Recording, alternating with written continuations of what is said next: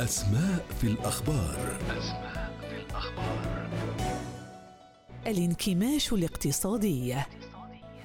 هو الانخفاض المتواصل في أسعار السلع والخدمات في كافة جوانب الاقتصاد ويتزامن مع انخفاض العرض النقدي.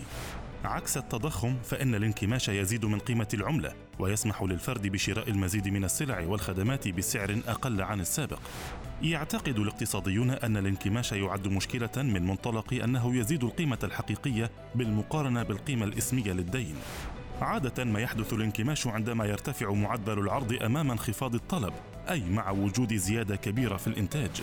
يمكن أن يكون الانكماش سياسة اقتصادية متعمدة، لكنه يمكن أن يحدث أيضا عندما يعاني اقتصاد الدولة من كساد أو ركود. يؤدي الانكماش بطبيعة الحال إلى انخفاض قيمة الأصول مثل الأسهم والعقارات. يمكن أن ينتج ذلك الركود عن الأزمات الائتمانية أو المنافسة أو الاحتكار المفرطين.